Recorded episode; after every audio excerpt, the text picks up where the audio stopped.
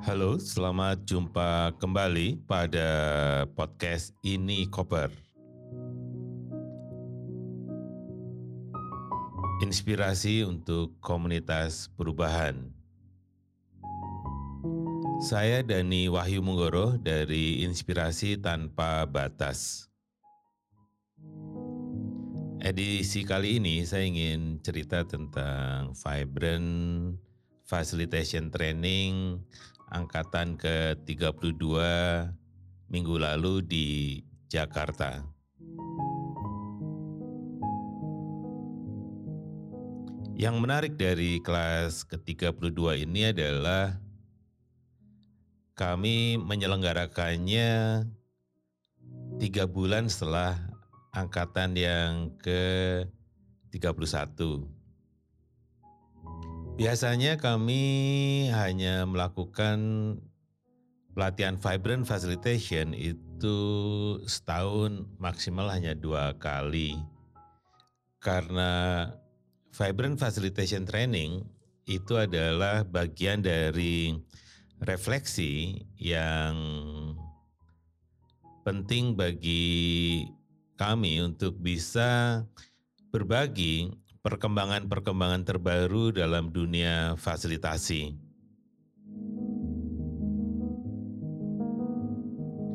Kali ini kami berbagi lagi tentang bagaimana sebenarnya mengaplikasikan si vibrant dikawinkan dengan liberating structure.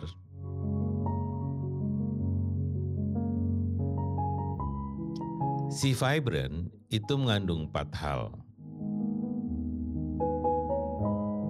Jadi empat hal inilah yang akan menjadi landasan untuk melakukan disrupsi pada saat kita merancang dan menjadi fasilitator sebuah proses interaksi sosial.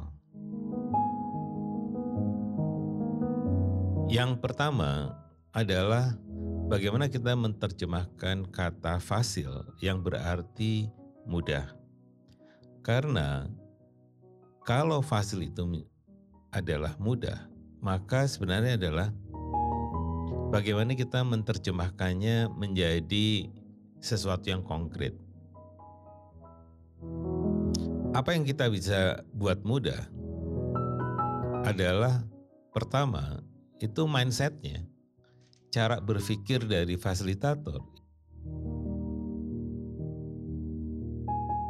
Bagaimana fasilitator melihat melihat segala hal dari sisi yang mudah bukan dari sisi yang sulit.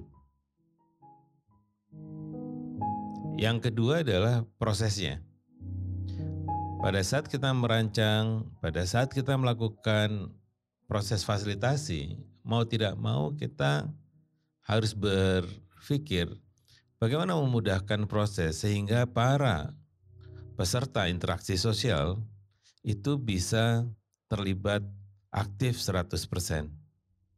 Dan mereka nyaman dengan prosesnya dan merasa bebas untuk menyampaikan apa saja pikiran-pikiran yang sesuai dengan konteks percakapan.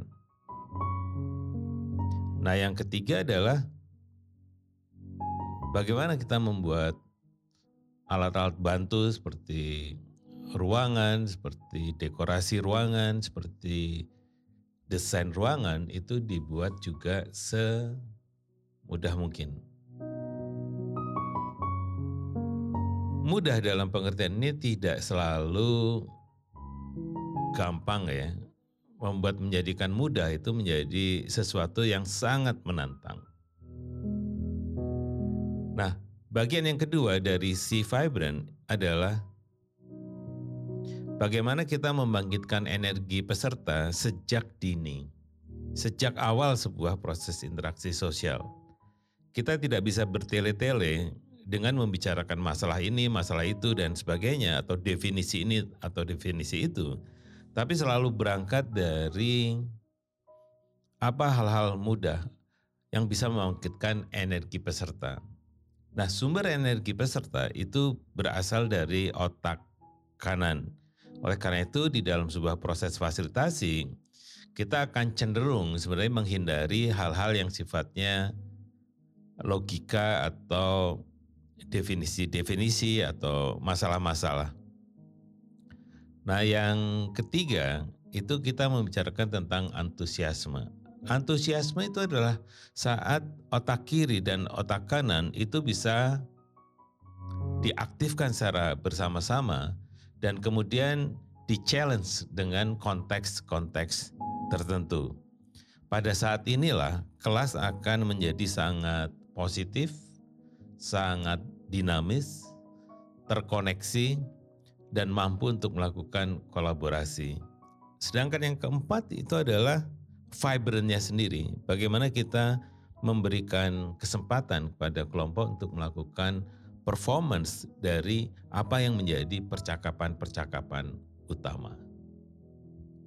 Demikian tadi isi podcast edisi kali ini. Jadi ada empat hal yang dieksplorasi di Vibrant 32. Yang pertama adalah tadi eh, yang disebut simple ya.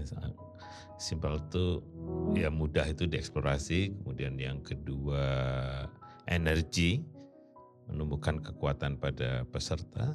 Kemudian yang ketiga adalah enthusiasm atau antusiasme bagaimana menciptakan semangat pada peserta dan yang keempat adalah bagaimana membuat seluruh proses itu menjadi vibrant. Demikianlah isi podcast kali ini. Sampai jumpa pada edisi berikutnya.